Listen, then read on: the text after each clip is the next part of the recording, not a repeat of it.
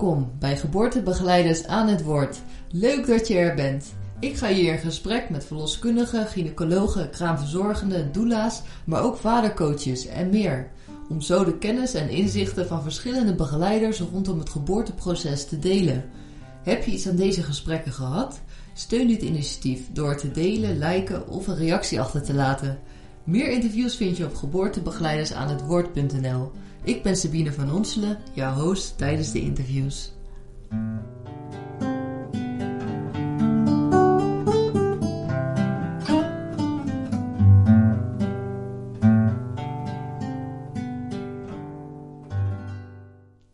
Hallo allemaal! Vandaag heb ik de kans gekregen om Helene Houtsmuller te interviewen.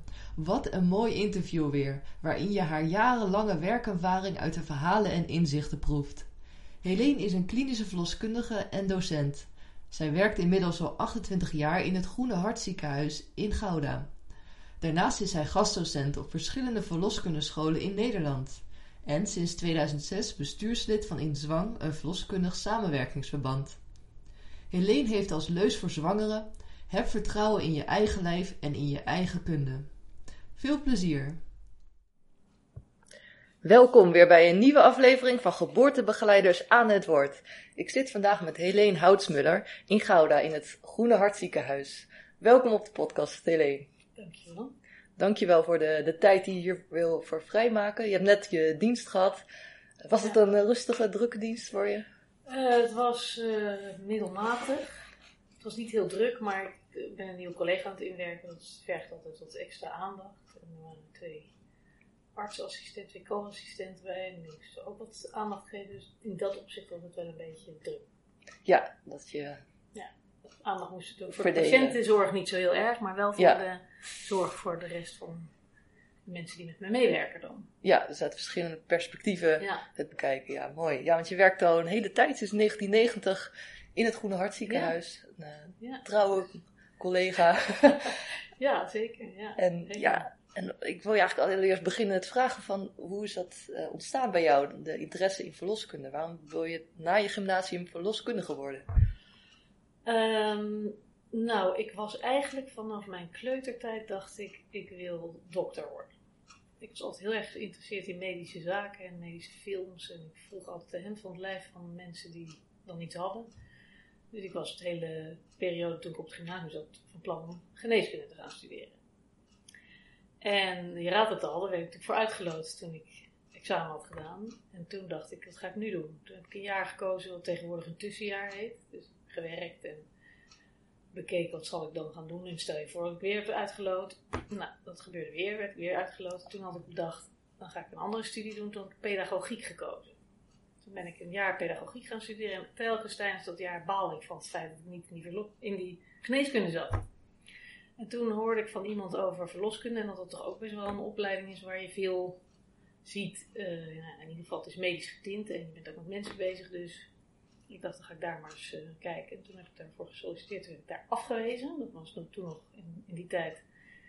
eh, moest je gesprekken doen. Dus drie keer eigenlijk al een, Ja, een tegenslag, teleurstelling. teleurstelling. Ja. Ja. En toen dacht ik, waarom? Ik, ik was daar ook, ik kwam daar, ik denk dat ik twintig was of zo, toen ik daar voor het eerst dat gesprek voerde. En toen had ik ook een beetje eh, het gevoel dat het gesprek niet lekker liep. Ik wist niet waar, ik was er niet tegen opgewassen. Die mensen die daar zaten, die stelden vragen waarvan ik dacht, waarom wil ik dat van van me weten? En toen ik het jaar daarop daar weer aan mee ging doen, toen wist ik hoe ik daarheen moest. En toen Mhm. dacht ik ook, weet je, dan, jij stelde nu net de vraag van waarom wil je dat? Ja, waarom wil je dat? Het is net waarom je spinazie wel lekker vindt of niet. Je vindt gewoon, je hebt interesse in een bepaald eh, werk. En dat is je gewoon, eh, ja, bijna zou je zeggen, aangeboren. En zo heb ik dat ook uitgelegd daar toen. Die gaat me toch niet vragen waarom ik spinazie lekker vind. Nou, dat was in de roos, want toen werd ik wel aangenomen. en toen, eh, nou, zo ben ik erin gerold en heb die opleiding gedaan. Dat is natuurlijk al best wel weer een tijdje geleden. Toen was de verloskundeopleiding nog drie jaar. Mhm. En dat was heel anders dan nu, maar goed, eh, ik vond het wel heel erg leuk. En ik, eh, die, die wens om geneeskunde te studeren, studeren heb ik toen eigenlijk een beetje laten varen. En eh, nou ja, zo ben ik dus in de verloskunde terechtgekomen. Ja, en heb je later nog getwijfeld van, nou, ik zou toch nog wel geneeskunde gaan doen? Of heb je zoiets van, nee, dit is echt wat ik wil en heb alles wat ik nodig heb, zeg maar, op het gebied van werk. Ehm, nou, ik had een, toen ik van school afkwam, heb ik een jaar waargenomen in huispraktijken. Want ik werd toen de tijd eigenlijk opgeleid voor de huispraktijk. Dus voor eh, de praktijk waar de verloskundige als, als patiënt heen gaat als er niks aan de hand is. Mhm. Dus ongecompliceerde zwangerschappen. En toen ik daarin werkte, kwam ik erachter dat als het leuk en spannend werd, als ik dacht, nou wordt het leuk, dan moest ik het overdragen aan iemand anders. Dat vond ik niet leuk. Dus toen kwam wel weer die wens om toch wat anders te gaan doen. Maar geneeskunde, ja, toen dacht ik, dat wordt me dan net weer een te lange weg. Want het was dan toch zeker nog tien jaar studeren. En ik had net een soort van een baan. Dus ik had ook geld en ik vond het gewoon leuk om te werken.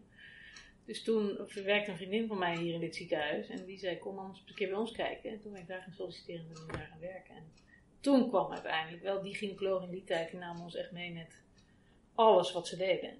Dus dat was eigenlijk ja, een soort in-service uh, geneeskundeopleiding.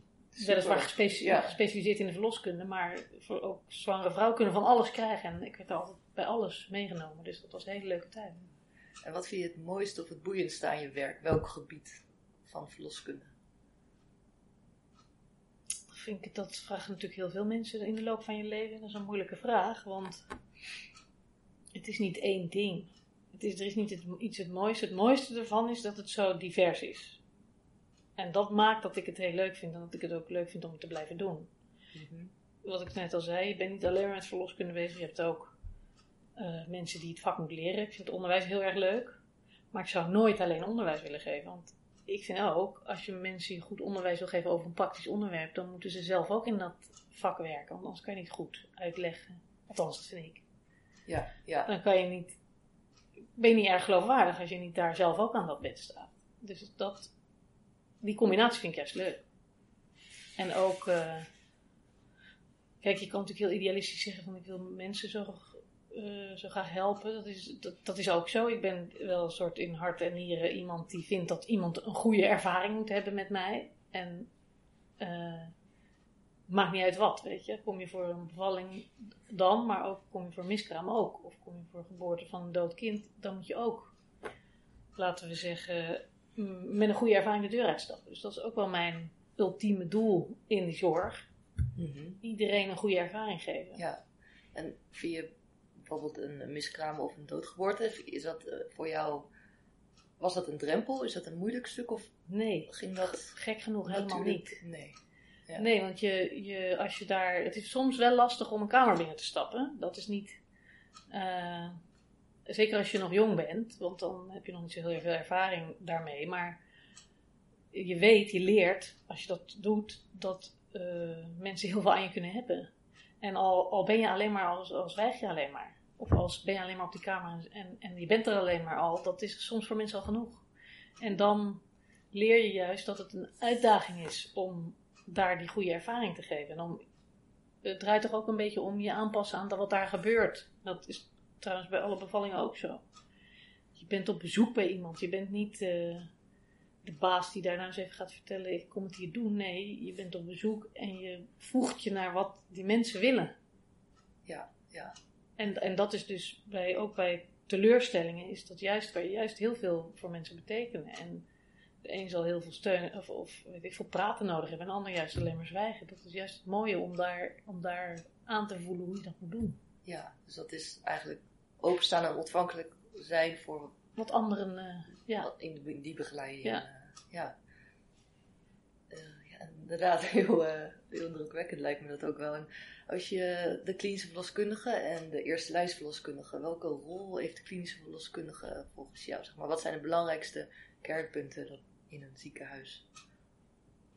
Maar wat ik hier heel belangrijk vind, en dat zal in alle ziekenhuizen zijn, is dat je de patiënten met een medische indicatie die bij de gynaecoloog komen, dat je die toch nog een warm gevoel geeft in de zwangerschap. Want het is toch vaak zo, en dat is misschien niet eens de persoon, maar dat is de hectiek van een ziekenhuis. Daar moet alles snel, en alles, wordt van alles tussendoor geregeld. Gynaecologen hebben daar gewoon minder tijd voor. Dus ik vind dat wij er heel erg zijn om die warmte en die eh, persoonlijke aandacht voor mensen te brengen in het ziekenhuis. En hoe doe je dat? Eh, door veel uh, spreekuren op te eisen. Want daar komen dan zwangeren die in ieder geval ons een paar keer gezien hebben, ons als verloskundigen. En, wij praten gewoon over gewone dingen. vaak zijn, uh, natuurlijk zijn er ook wel gynaecologen die, dat wel, die daar wel de tijd voor nemen, maar toch is het vaak minder. En omdat wij heel erg specifiek zijn opgeleid in de situatie van zwangerschap alleen, zonder medische indicatie, hebben wij juist heel veel oog ook voor dat gedeelte. Mhm. Als je zwanger bent, wat gebeurt er dan met je? En wat verandert er allemaal in je lijf? En niet zozeer van we hebben hier een klacht en het zal dus wel dit of dat zijn. Dat is een hele andere benadering. Ja. Dus, Dus- dus heb je een soort eh, voorbeeld voor. Ja. Ja, dat, dat, dat is op zich wel. eh, als iemand binnenkomt, Mhm. op je spreekuur, dan nodig je mij om naar binnen te komen. En dan zeg je: Goh, hoe is het? En dan zegt zo iemand: eh, Nou. En dan zeg ik: Zwaar, hè, zo die laatste weken.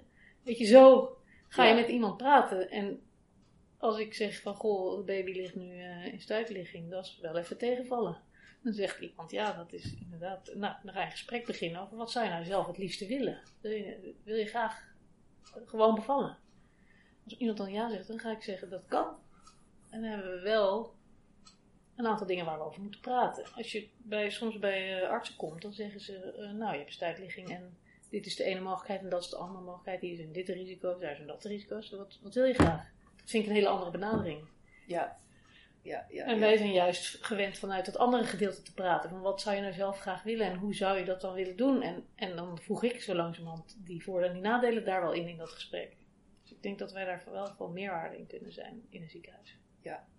Dus, eh, was, is daar altijd al aandacht voor geweest of is het iets van de laatste jaren?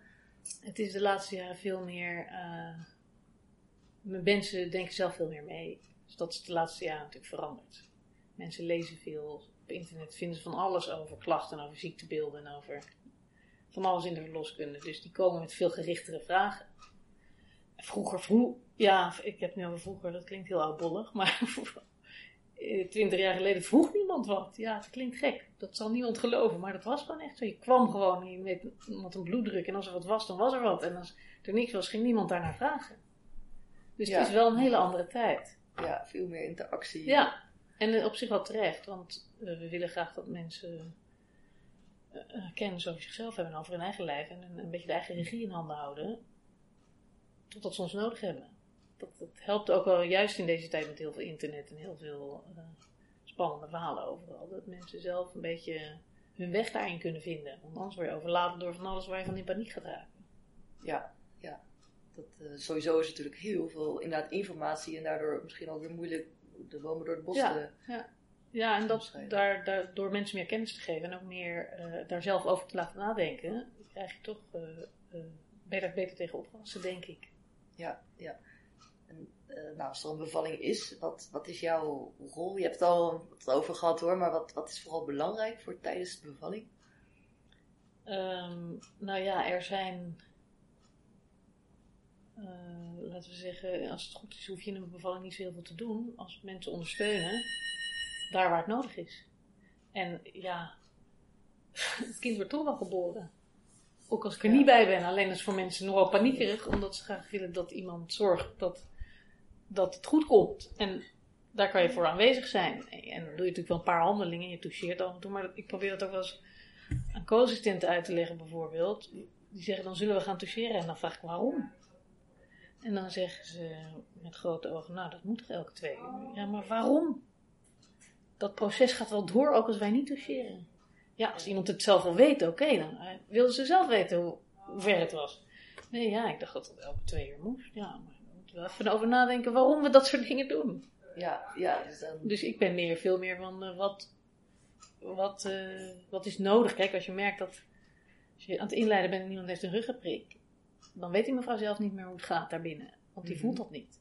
Dus ja, dan moet je afspreken met elkaar. Hoe vaak gaan we dan voelen dat er toch wel iets vordert? Ja, ja, Dus dan ben ik in die zin aanwezig om dat te doen. Maar zo Mhm. maak je een plannetje voor iedereen anders. En de een heeft veel ondersteuning nodig met de weeën en de ander niet. Soms hebben mensen een heel eigen systeem wat ze prima zelf kunnen.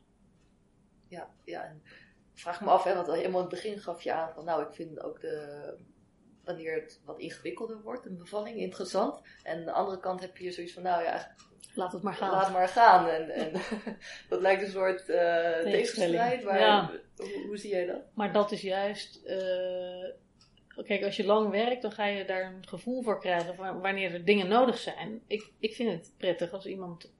Als ik alles laat gebeuren zoals het gebeurt, hè. En op het moment dat het dan niet meer loopt zoals het moet gaan, bijvoorbeeld het kind komt in nood of eh, het, het lukt allemaal niet, dat je dan zelf kan afmaken. Dat je niet daar alsmaar iemand anders voor hoeft te roepen als je. Mhm. Ik- Ik kan namelijk heel goed zeggen van joh, het werkt allemaal niet wat we aan het doen zijn, we moeten een vacuümextractie doen. Dan kan ik dat ook zelf doen. Ja, is dat door de NPA die je hebt gehaald in, eh, in Rotterdam? De Master Physician Assistant? Nou, dat, dat is niet daardoor. Eigenlijk deed ik daarvoor ook al aan. Dat kwam door die gynaecologengroep die hier zat, die dat ook een beetje onzin vond. Dat, dat iemand anders dat dan moest doen. Want doe het maar zelf. Want het is jou ook wel te leren. Dus, en daarna, nu voel ik me iets meer gedekt door die opleiding. Dat ik ook iemand achter me heb staan die zegt dat, Ja, dat ik dat regulier kan doen.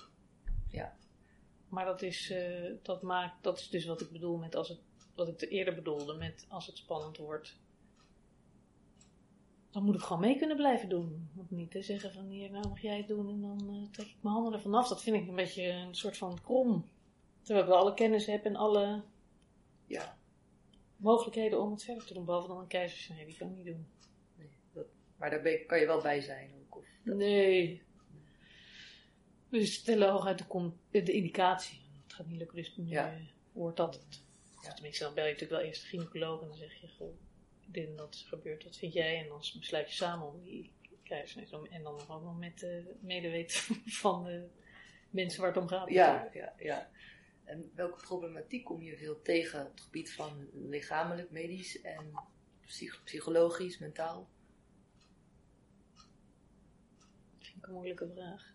Wat we nu hier in Gouda veel hebben, is mensen die geen Nederlands spreken, geen talen spreken. Syrische vluchtelingen bijvoorbeeld. Dat vind ik echt heel moeilijk. Ja. Dat is, dat is echt heel lastig. Want als je niet met mensen kan praten.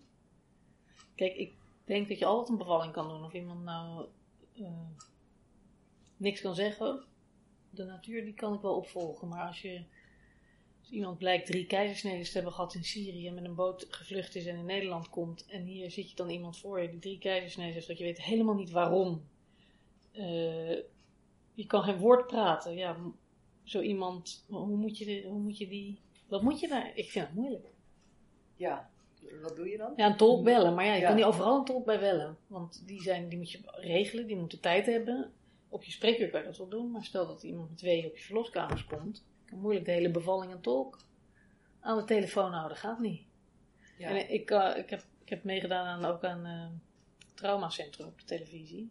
We hebben hier een tijdje geleden zo'n eh, paar afleveringen van die serie Traumacentrum opgenomen. En dan wilden ze mij volgen in mijn vak. En toen had ik een keer een Syrische vluchteling die kon bevallen. Nou, daar dacht ik, het is wel eens- ook wel eens mooi dat dit op televisie komt, want het is echt heel moeilijk. Die mevrouw moest persen omdat het kind het niet goed deed. En die deed het gewoon niet, ja. Zeg maar, Dan dan zit je met je handen in het haar, en, ja. En dan, En dan probeer je de man te... Die, die sprak ook geen Nederlands. Er kwam er een buurvrouw, dat was wel leuk. Die, nee, die, er kwam iemand, die man had iemand gehaald en die kwam binnen. En toen zei ik, ah, daar komt de hulp. U kan zeker wel vertalen, bent u de zus van eh, meneer? En toen zei ze, nee, ik ben de buurman. En toen dacht ik, oh, die spreekt ook geen Nederlands. Die weet, die weet niet eens het verschil tussen man en vrouw. Dus toen, maar goed, ja, iedereen probeert dan wel mee te doen, maar dat is toch veel lastiger dan in, een, in je eigen taal. in lichaamstaal is het niet goed Heel over te brengen. moeilijk.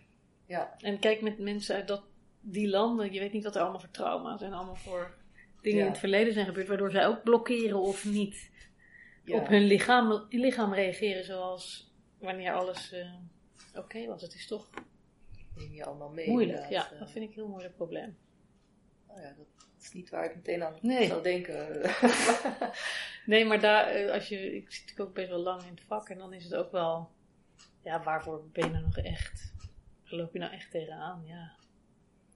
en en zeg maar, voor de vrouwen zeg maar zelf, als je kijkt van wat kom je veel tegen bij vrouwen zelf als problematiek, obesitas, ik noem maar wat, of juist eh, eh, mentaal bepaalde blokkades. Of, Ehm, ja, het is elke paar jaar weer soms iets nieuws. Ja. Er zijn van die dingen die je ineens veel ziet voorkomen en dan volgens na een paar jaar heb dat weer weg en er weer wat anders. Wa- Waar we nu heel erg mee zitten is met eh, mensen heel erg doordringen van dat ze het baby goed moeten voelen. Dus krijgen we ook heel veel mensen die de baby niet goed voelen. En Oh, daar- nou, daardoor- tij- tijdens de zwangerschap. En daar moet je heel veel onderzoek naar doen. En in de meeste gevallen is er gelukkig niks aan de hand. Maar in een enkeling, enkel geval wel, dus je moet het wel allemaal doen.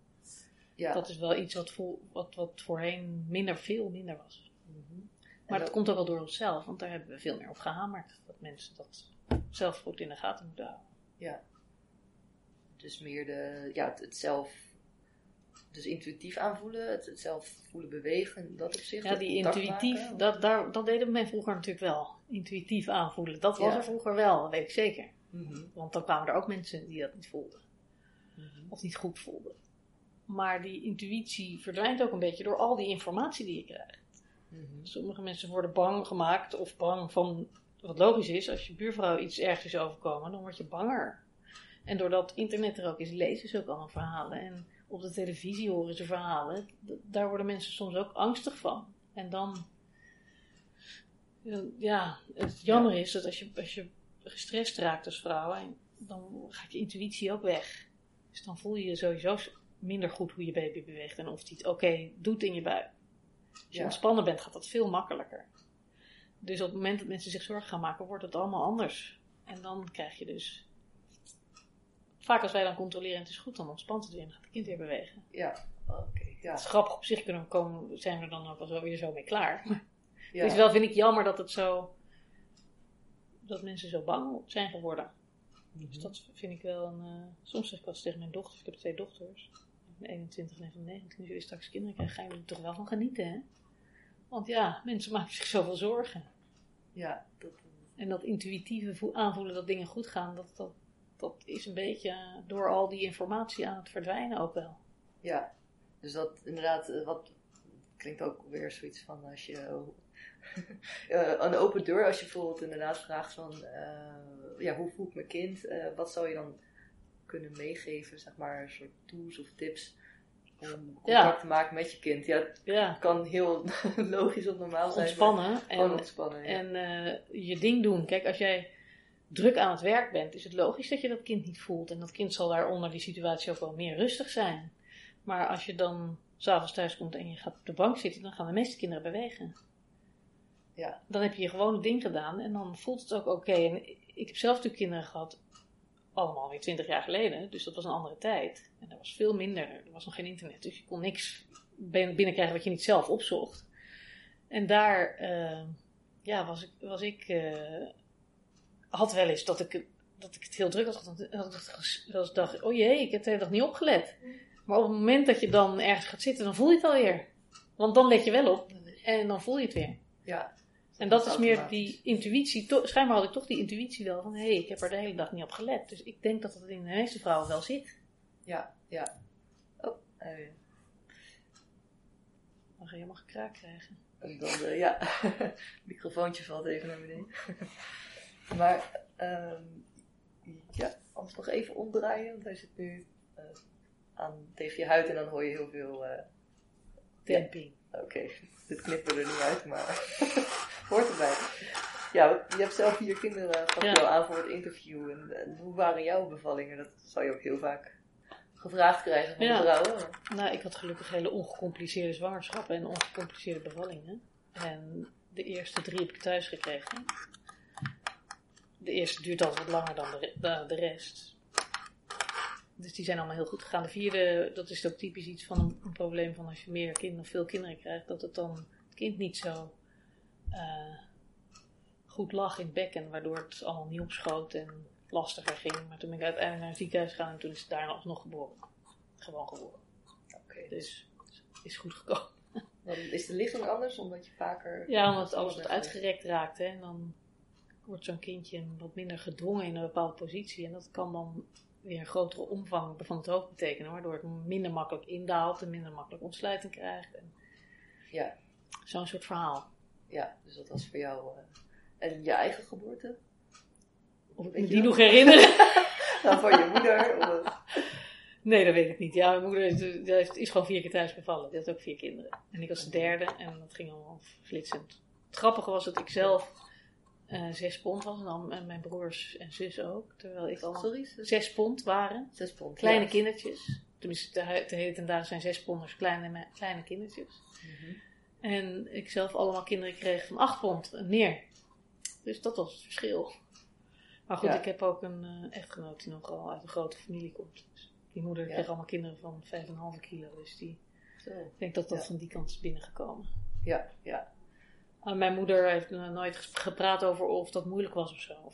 Daar heeft ze het nooit over gehad. Ik heb het daar eigenlijk ook sinds ik eh, niet meer, eh, hoe heet het, Eh, sinds mijn moeder ouder was, nooit zo in geïnteresseerd geweest schijnbaar.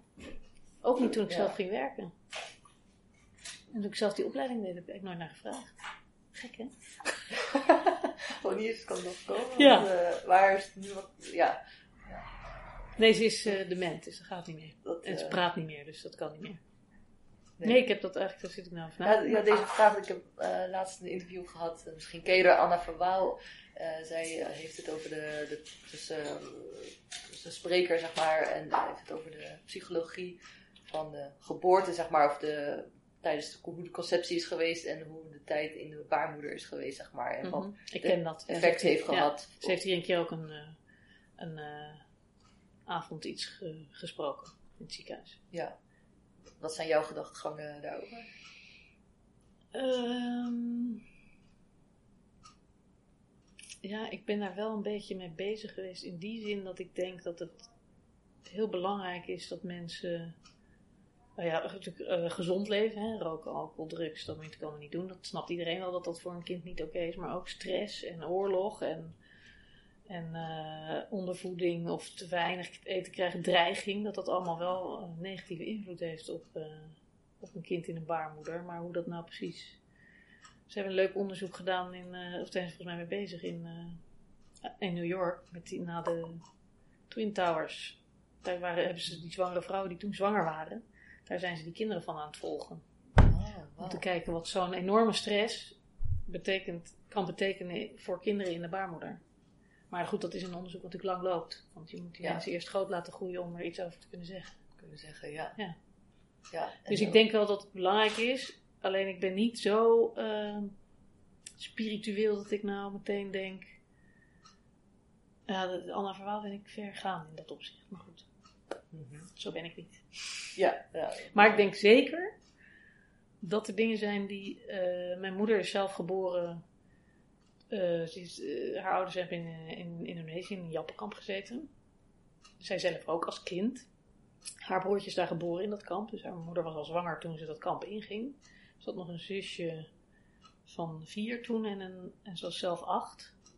En eh, mijn oma was dus zwanger tijdens het geïnterneerd worden in een kamp. Nou, dat mag ik wel noemen als behoorlijke stress voor een zwangerschap. Mhm. Ehm, mijn moeder en, eh, en, die, eh, mijn moeder was 12 toen ze uitkwam, kwam, toen zijn ze nog naar eh, Australië gegaan. Daar werden ze opgevangen, de Nederlanders die daar hadden gezeten in de kampen. En toen is zij op haar 12 of 13e op een internaat gezet in Nederland. Het vliegtuig gegaan, kan je je nu niks meer bij voorstellen dat je meisje van 12 in de eentje naar Nederland stuurt. Maar dat, haar zusje was jonger, die is wel bij haar ouders gebleven. En toch zijn het allemaal bijzondere mensen geworden in het leven. En je kan natuurlijk nooit zeggen dat dat per definitie de oorzaak is, maar bijzonder. ondervoeding. Ze hebben als kind allemaal zijn ze ondervoed geweest, hè? Ja. Ze hebben allemaal vier jaar in, in dat kamp gezeten. En dan kreeg je, zon, mijn moeder vertelde verhalen over dat ze wekenlang alleen maar rijst met bruine bonen kregen. Ja, dat is zo eenzijdig. En ook voor moeders die zwanger zijn. Ja. Dan kan je je voorstellen dat dat schade brengt in. eh, en misschien ook wel in je hele psychologische, psychische gedrag in je leven. Ik weet het niet. Ja. Ja, er zijn natuurlijk zoveel dingen die daarvan invloed op kunnen zijn. Ja. Ja. En je noemt bijzonder, in, in, in welk opzicht, zeg maar, in de... Nou, ze zijn alle vier dement geworden. Die Drie. Die drie. Ja. Ik, hoop eigenlijk een beetje, dat klinkt natuurlijk gek. Maar dat dat soort dingen een rol spelen bij het ontstaan van dementie. Van ondervoeding en van slechte omstandigheden als kind. Want je bent in de groei, je hersenen zijn in de groei. en ja. Je verwacht dat daar heel veel eh, eh, verkeerd kan gaan. Als, als kinderen in de groei eh, zo en zoveel onder enorme druk staan van oorlog. En kinderen zijn natuurlijk flexibel, hè, dat zeggen wij altijd. Die kunnen heel veel verdragen, maar dat is maar de vraag of dat kan. Je bent, hebt misschien op dat moment een flexibel brein, maar misschien worden er wel dingen beschadigd. Die, ja, het is gewoon overleving. ja, en degene die toen in die zwangerschap, de oom die toen in dat kamp geboren is, die is op zijn zeventigste al dement geworden. Dus kan je nagaan dat. Je weet niet of dat natuurlijk, je weet het niet, maar Nee, ja, het is ook nog ik zou me kunnen voorstellen dat dat, ja, ik zou me wel kunnen voorstellen dat het invloed heeft. Ja, ja. Dus nou ja, hoe dan ook, eh goede En ze voeding zeggen, is belangrijk. nou ja, en goed, goede omstandigheden. Als je nu vandaag de ja. dag kijkt naar, ze roepen alsmaar de Nederlandse jeugd is de gelukkigste van de wereld. Toch? Dat hoor je, dat lees je Ja, in kranten ja, ja, en dat hoor je. Dat, dat de Nederlandse jeugd, misschien is dat ook wel omdat er gewoon eh, heel veel eh, goed geregeld is tegenwoordig voor kinderen. Ja, Geluk is een groot woord. ja, zeker met mijn generatie en van jouw do- dochters ook, en, en zonen. Ja. Die, eh, ja. Je hebt alles wat je, wat je begeert, zeg maar, als je in een gemiddeld Ja, in- gezin... eh, Welvaart groot ge- gebracht, zonder oorlog en zonder dreiging Ja. en zonder... en dat maakt het weer lastig om om te gaan met de slechtere tijden Ja. natuurlijk. Wel, Ja. de productie Ja. die, Maar goed, het zijn wel mensen die eh, gelukkig zijn schijnbaar. ja, ja. dat is weer een an- Ander gebied. ander gebied wel belangrijk. Ja, vervulling en gelukkig zijn. Ja, dat Ja. Is natuurlijk wel tegenwoordig zo wat de keuzes maken, omdat er zoveel keuzes zijn. Dat Maakt het weer lastig. eh, ja, maar eh, ook een boeiend onderwerp. Ja. Ja. Maar goed, even terug over bevalling. Ja. En, en, eh, echt een hele clichévraag, maar ik vind hem toch erg belangrijk om, te stellen aan je. Wat, wat vind jij belangrijk, of nou nee, sorry. Wat is bijzonder voor jou aan bevalling? Aan welke woorden denk je?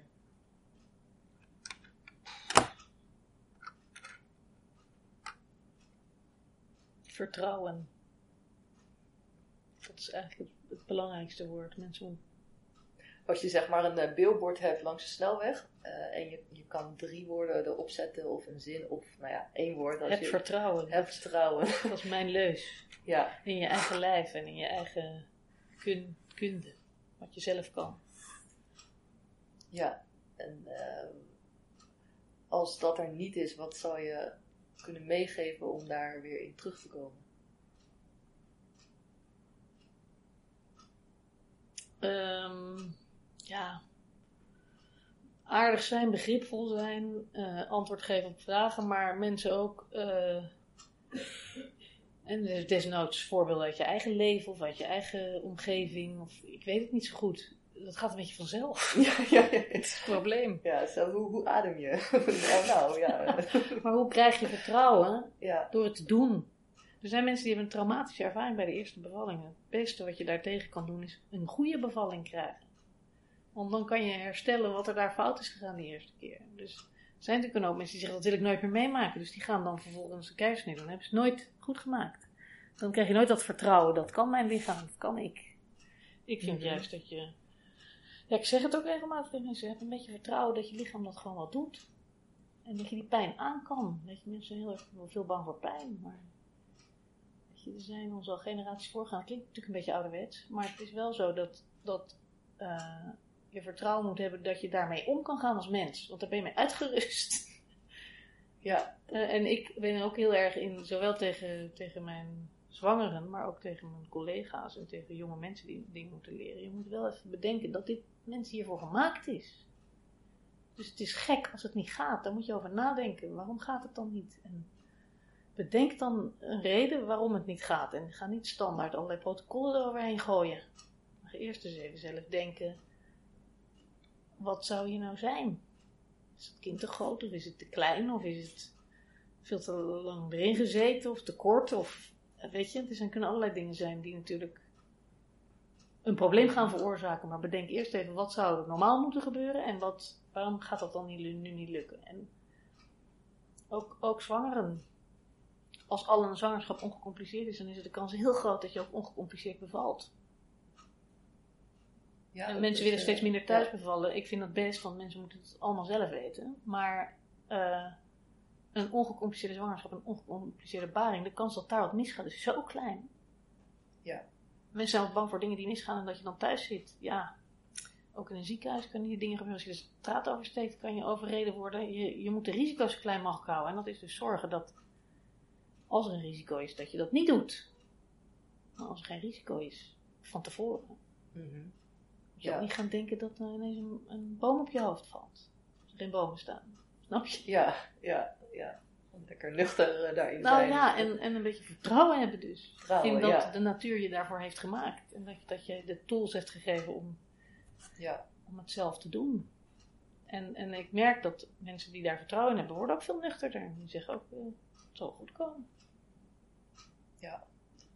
En als er dus een ongecompliceerde zwangerschap is en een vrouw gaat naar een ziekenhuis, denk je dat dat dan eerder meer interventies kunnen plaatsvinden?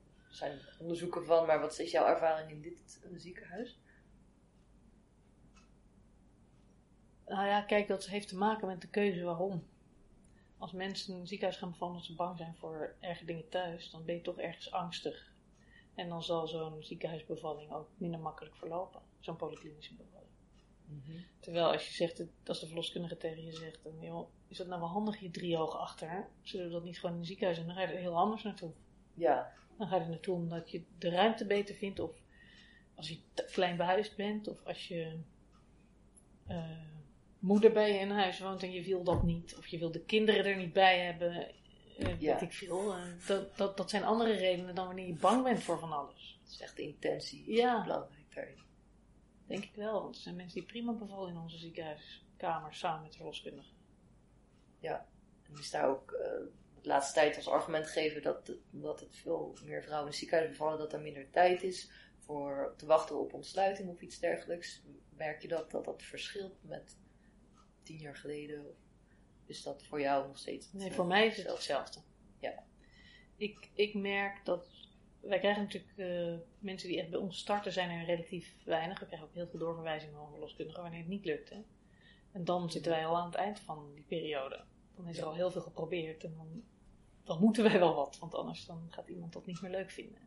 Ja. Maar als mensen bij ons opstarten, ja, dan zijn wij best wel geneigd om eh, uren te wachten en gewoon af te wachten. Wat het- ik, vind, het- ik vind het echt heerlijk om, om een gewone bevalling te doen. Ik heb laatst voor iemand een eh, bevalling gedaan. Dat was een verloskundige die hier bezig was met een bevalling, de eerste kind. En die, eh, haar collega belde op, die was ook zwanger en die had weeën. En die woonde hier niet zo heel dicht in de buurt. En eh vooral eh, 8 centimeter of zo, die hier in het ziekenhuis. En toen zei die verloskundige, eh, ja, moet eigenlijk naar haar toe. Toen zei ik, weet je wat, ga jij lekker naar haar toe, dan doe ik die bevalling voor jou. Toen zei ze, toen zei ik, moet je natuurlijk wel die mevrouw vragen of die dat goed vindt, want dat ga ik natuurlijk niet zomaar doen. Toen zei ze, nee, ik ga het al even overleggen. Dus zij legde uit, jonge collega, die mevrouw kende die collega natuurlijk ook. Want die had die collega ook in de zwangerschap gezien, dus die gunde dat ook die collega van haar alweer. Dus die zei, nee, dat vind ik prima. Dus toen ben ik me daar komen voorstellen. En toen ging ik daar gewoon een bevalling doen zonder medische indicatie. Dus toen dacht ik, wat leuk, dat ik weer eens gewoon een bevalling zonder apparatuur en zonder ge- gedram van CTG-karren, van hartfilmpjes en van toeters en bellen. En, en ik moest er wel weer even aan wennen, want oh ja, nee, dat hoeft dus gewoon niet, dat doe ik gewoon niet. kan gewoon zitten hier. Maar dat is wel een hele leuke ervaring ook weer eens. En dat kunnen wij natuurlijk ook wel doen met de mensen die hier komen met een medische indicatie die niet zo heel veel zin, heel, heel zoveel eh, problemen heeft voor de bevalling. En waar je dus een gewone bevalling ook ideaal zo kan doen. En ook bijvoorbeeld mensen die een stuitbevalling eh, doen, dat die, eh, daar willen we altijd graag dat de weeën vanzelf op gang komen. Dat er natuurlijk dan zelf aan begint en je veel meer kans van slagen hebt. En dat is leuk, want die komen binnen met 5 centimeter en die gaan gewoon bevallen, weet je. Dan heb je goede weeën en vertrouwen en dan gaat het ook allemaal goed. Is dat eh, in een stuitbevalling duurt het lang langer, pijnlijker, lastiger? Nee, nee, nee, nee, dat heeft wel Nee. niet zoveel mee. Kijk, als je pijn hebt wil je graag iemand de schuld geven. Dus dan zeg je dat omdat hij zo lag of omdat ik een infuus had of omdat ik... Pijn is gewoon niet leuk. Dus... En bij een... eh, je hebt ook soms een baring van die, die de natuur verzorgt met heel veel weeën en heel veel pijn. En dat, dat is gewoon... Dat, dat- ja, dat is niet leuk. Maar bij stuitbevallingen, ja, gaat het gewoon hetzelfde. Je hebt soms wat eerder persdrang en dat moet je dan nog een beetje in zien te houden. Dat is het enige nadeel. Maar goed, daar zijn, daar zijn wij dus dan allemaal om je daarmee te helpen. Dus dan Ja. denk ik, dat, dat kunnen wij mensen bieden. Ja. We slepen je er wel doorheen. Ja, precies. Dus dan de aanname, zeg maar, kan er heersen van stuitbevalling. Oh, dan zit je al gauw in de keizersnede. Nou ja, dat is, dat is omdat mensen tegenwoordig zelf mogen kiezen. En omdat je dan op de hoogte raakt van alle risico's en van alle... Het is op zich ook wel goed dat je het weet. Maar ja, overal zitten risico's aan. Dat is mijn bezwaar daartegen. Dan moet je bij alles alle risico's gaan uitleggen. Ook degene die jou die auto verkoopt in de winkel. Luister, snap jij wel dat jij eh, op die reisweg zoveel kans, procent kans hebt om de rest van je leven invalide te worden? Dat doet een verkoper van een auto toch niet? Nee. Je moet ook soms, weet je, een gewone bevalling ook, ook eh, met een hoofdligging, heeft ook risico's. Mhm. Ja, ja. Nou, dat, is heel verfrissend om, eh, om er weer zo, zo ja, naar te kijken. ik vind ja. dat moeilijk. Ik vind het een moeilijke discussie. Want ik Ja. vind, natuurlijk vind ik dat, dat mensen zelf keuzes moeten maken. Maar, maar het is wel... eh, het is wel een discussie waarvan ik denk, ja... eh, soms ben je ook wat dat betreft een leek en heeft een ander, en, en ander wel de kennis. En bovendien, ik denk dat alle mensen ook moeten weten, ik wil ook niet dat iets fout gaat. Ik ga niet iets aan mensen zeggen, dat moet je doen als ik denk dat het fout gaat, toch? Dat, eh, Nee, dat is een absurde gedachte, want dat- dan slaap ik ook niet s'nachts. ja. En dan voel ik me ook misschien wel mijn levenslang ben ik dan beschadigd. En niet dat, ik, dat dat belangrijk is voor hen, maar het betekent wel dat ik niet zomaar iets ga aanraden of ga zeggen van dat kan je makkelijk doen als dat, zo ben ik niet. Dat kan niet, dat wil niemand. Maar het blijkt wel dat je veel vertrouwen hebt in, in de vrouw en de zwangere, wat ze allemaal aan kan. zeg Maar wat je ook graag wil, Ja, dat de vrouw weet. ja. En- maar dat is ook uit je verhaal van ja, je kan Ja. het. En eh, ja, eh, heel veel voor ons hebben het eh, gedaan. Ja. En in dat opzicht. Dus ja, en we moeten wel, we leven in een andere tijd, we leven niet meer in de middeleeuwen, dus we moeten wel dingen die vroeger misliepen goed laten lopen. dat ben ik het wel helemaal mee eens. Maar ja, Soms schieten we daar een beetje in door. En Ja. dan gaan we over 30 jaar alleen nog maar keizersneden doen. Dat zou ik erg jammer vinden. Want daar beschadigen we ook weer een hoop mensen mee. ja. Dat, eh, En keizersnede is ook niet zonder risico. Kijk, daar heb je het ook alweer. Niets Ja. is zonder risico. nee. En is, dan zie je dat ook zeg maar, als de rol van de klinische verloskundige. Ja, dat, heel erg, Dus we- in- te verkleinen, die interventies. Ja. Te minimaliseren. Te, Nou, minimaliseren vind ik niet een goed woord, maar om niet onnodig te doen. Dat vooral. Niet op verkeerde argumenten of op eh, verkeerde voorlichting. Of de buurvrouw zei dat ik het niet moest doen, of mijn vader zei dat meid, dat moet je nooit doen. Je moet wel even de dingen naast elkaar leggen en met z'n allen goed kijken wat met professionals en met jezelf. Wat is wijsheid? en de gynaecologen die lijkt me ook dat die op die manier kijken. Of, Ja, meestal wel. ja. Alleen zijn er ook, eh, er is natuurlijk tegenwoordig ook een beetje een eh, claimcultuur. Hè? Als je dingen misgaan, dan weer aangeklaagd. Soms worden artsen meer, en trouwens verloskundigen ook, meer eh, bang voor de rechtbank. En gaan ze dan voorzichtiger zijn en dingen niet meer doen. Omdat ze denken, ja, straks hang ik weer. Eh, ja, ik heb dat nooit zo heel erg gehad. Misschien is dat naïef, maar ik denk als ik de goede intenties heb en ik ben goed onderlegd. Hè. Ik moet wel goede kennis hebben en goeie- goed gekeken hebben. En als ik dan. eh, als er dan iets niet goed gaat en ik word aangeklaagd, dan moet het maar zo zijn. Ja, ik kan daar niet mee leven. Met het idee dat ik het dan niet doe omdat ik anders aangeklaagd ben, kan ik echt niet mee leven. Nee, ja. Dat eh, lijkt me heel vermoeiend ook. Ja. eh. En dan, dan ben ik voortdurend alleen maar bang voor van alles. En Ja. niet. Je werkt al bijna, zeven, of bijna 28 Ja. jaar in het ziekenhuis. Ja. En welke bevalling is je het meest bijgebleven en waarom? Zal ik me op pauze zetten? Eh, welke bevalling? Laat ik daar nou eens even heel goed over nadenken.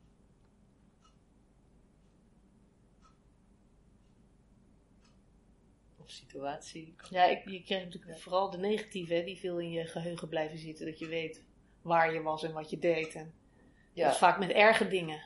maar daar kan je weer van leren en een positieve draai aan geven, toch? In dat opzicht. Ja, ja.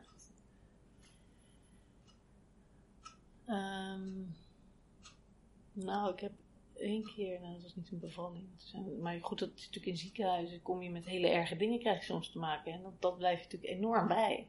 Mhm. En ik geef training in eh, Rotterdam en in Amsterdam en Groningen en Maastricht aan scholen voor verloskundigen. En daar doen we trainingen in acute nood samen met ambulancepersoneel. En dat is vooral thuis, hè? Want stel dat je thuis bent en je hebt iets heel ergs. eh, dat poet? Ja, de poet, ja. En die, eh, wat ik zo goed vind daar, is als ik daar kom en ook als die ambulance mensen komen, wij kunnen allemaal uit ervaring spreken. We hebben allemaal wel eens een keer dit meegemaakt of dat meegemaakt. En dan zie je echt die ogen opengaan van al die leerlingen van, oh jee, heb je dat echt meegemaakt? Dan leeft het veel meer als wanneer je dat uit een boekje staat voor te lezen. Ja. En dan kom ik op dingen die ik daar altijd gebruik. En dat is.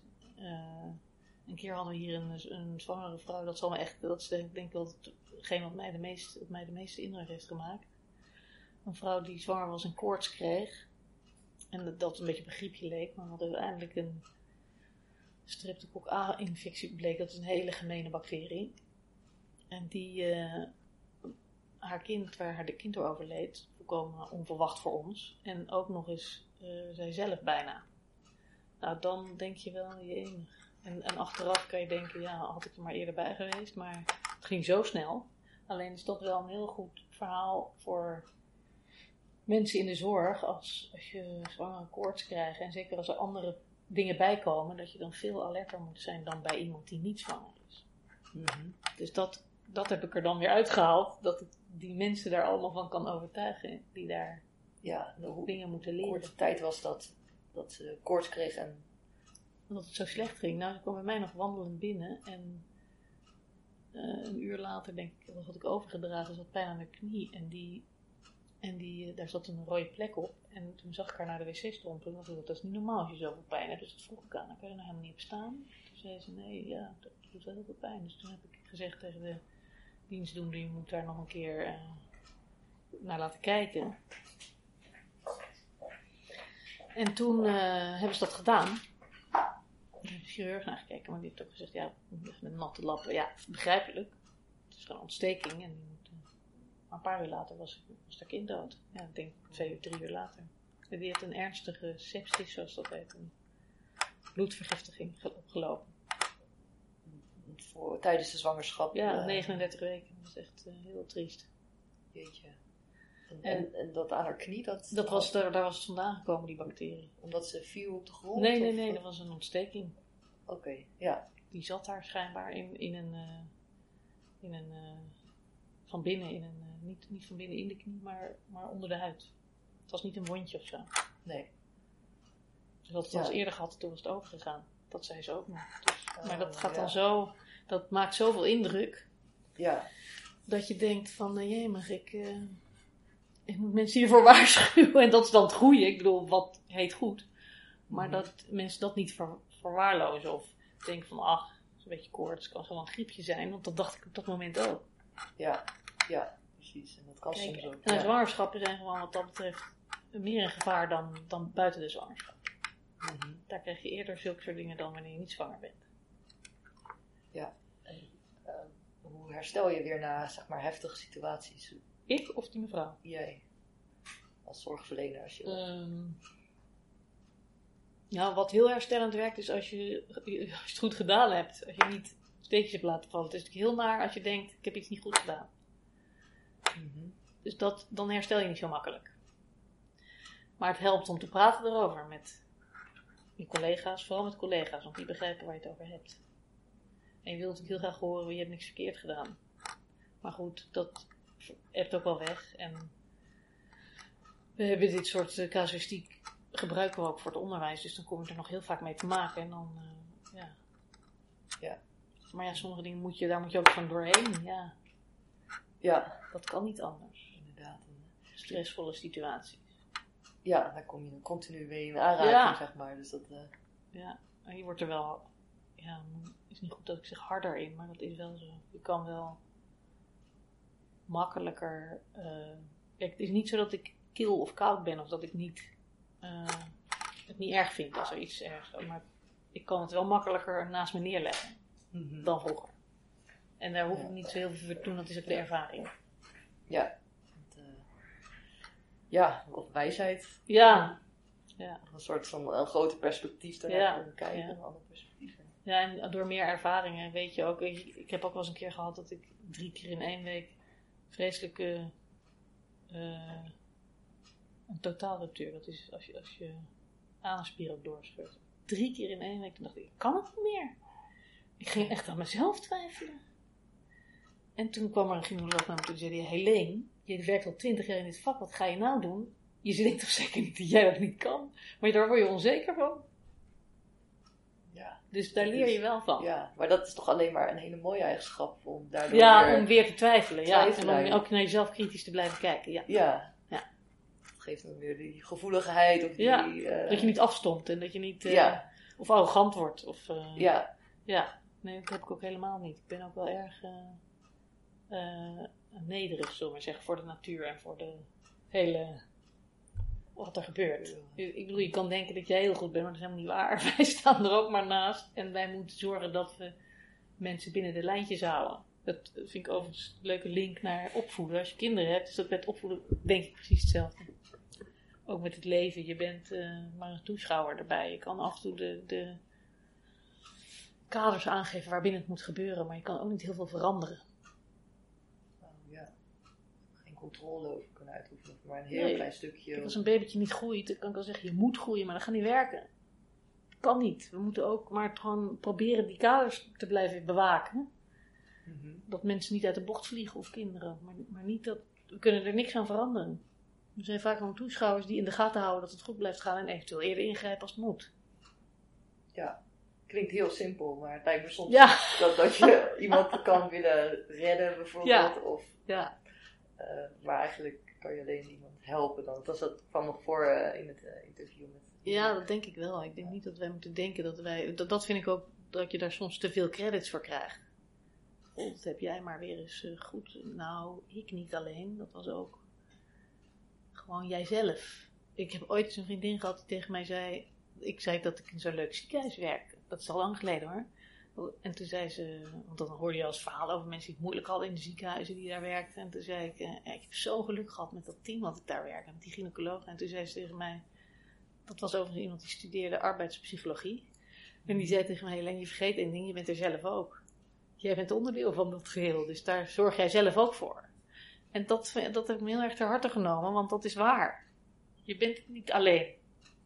Ja, en, en, en eh, die zwanger heeft dus zelf ook heel veel invloed in, op wat er haar gebeurt. Ja. Dat doe ik niet alleen. En dat zeg ik ook wel eens. Ja, bedankt. Zo. Nee, maar dat heb je zelf gedaan. Ik heb alleen maar staan kijken. ja. En dat is wel leuk, want zij ervaren toch nog dat ik daar iets heel geweldigs heb gedaan. Terwijl ik er eigenlijk alleen maar geweest ben. Ja. Ja, door hun eigenlijk. Ja, een goede ervaring krijgen in ja. dat geval. Eh. Ja. ja, mooi. Heb jij rolmodellen of mentoren in je leven gehad? Die, uh... Ja, heel erg. En die man die leeft niet meer, dat was een, uh, een gynaecoloog trouwens, maar die was heel erg back to nature. Hoe heet hij? Koos Favier. En hij was uh, een, een Bourgondier, een man die heel erg van eten, oh, heel erg van drinken en van gezelligheid en van die had zijn hart op zijn tong, dus die gooide alles eruit wat hij dacht. Ook wel eens tegen patiënten, zodat die ook wel eens dachten van, oh. maar daardoor, hij was heel erg, uh, hij, had, ook schapen op de boerderij, daar deed hij ook een bevalling bij. En dan at hij die lammetjes, die at hij op. dat is wel erg, maar goed. Die, uh, die, was, die heeft mij heel erg geleerd om te wachten en te kijken. En dat vind ik enorm waardevol, want daar heb ik wel... Uh, heel veel van geleerd. En daar heb ik me ook heel erg, uh, laten we zeggen, dat soort mijn leermeester geweest. In het ziekenhuis, hè. Ja, en ook geduld, zou je het zo Ja, enorm geduld. Kijken. Echt uren wachten. Heel lang geduld, zei hij dan. Dat komt wel goed. Ja, dat, dat vind ik, daar heb ik enorm veel van geleerd. En dat, dat kan ik nu wel eens, hoor ik mezelf dat zeggen tegen mensen. Dan denk ik, ja, dat heb ik van hem geleerd. En dat gaat dan rondom de, nou ja, de, de baring, hoe dat Ja, maar het proces met van alles. Met van alles, ja. Kijk vooral goed, zei hij altijd. Kijk goed. Waarom gebeurt het? Ik zeg dat dagelijks tegen mensen. Doe het niet zomaar, je moet weten waarom. Dat heb ik van hem geleerd. Dat is wat je helemaal het begin zei, ja. toucheren. Van waarom ja, toucheer je? Ja. Ja. Ja. dus dat is wel mijn grote rolmodel geweest. Mooi. Nou, dat, uh, die nemen we mee in het interview. Mijn laatste vraag, uh, ja. kunt het kort houden, van jou. Uh, wat is je droom die je de komende vijf jaar nog zou willen verwezenlijken? Kan ook Ja, ik zit even te denken, maar ik weet niet of het reëel is. Wat ik... Zes jaar? je bedoelt in mijn werk? Nee, dat hoeft er niet. Nee. Ik zou heel graag eerder willen stoppen met werken. En dan vooral niet omdat ik het werk vervelend vind, maar omdat ik denk dat als je ouder wordt, dat, het, dat je minder scherp bent. En dat je minder misschien dat je een beetje moet uitstappen uit die rol die ik nu heb. En als ik dat merk, moet het weg zijn. Want ik wil niet dat, ik, dat mensen risico gaan lopen doordat ik niet meer scherp ben. En dan zou ik heel erg graag, heb ik met mijn echtgenoot ooit bedacht, een bed and breakfast in Toscane beginnen. Wauw. En dan voor overspannen managers of zo. en als uh, een zwembad erbij en dan een beetje luxe, weet je wel, dat je, dat je zes gasten hebt of zo, en dat je eten regelt. En dat lijkt me Ja. nou nog wel eens een eh, droom. Ik weet niet of, het, of ik het ooit ga doen, maar het is wel iets Ja. wat ik heel leuk vind. Dat hebben we al vanaf dat, wij gingen daar vroeger heel veel op vakantie in eh, Lucca in Italië, in eh, Toscane.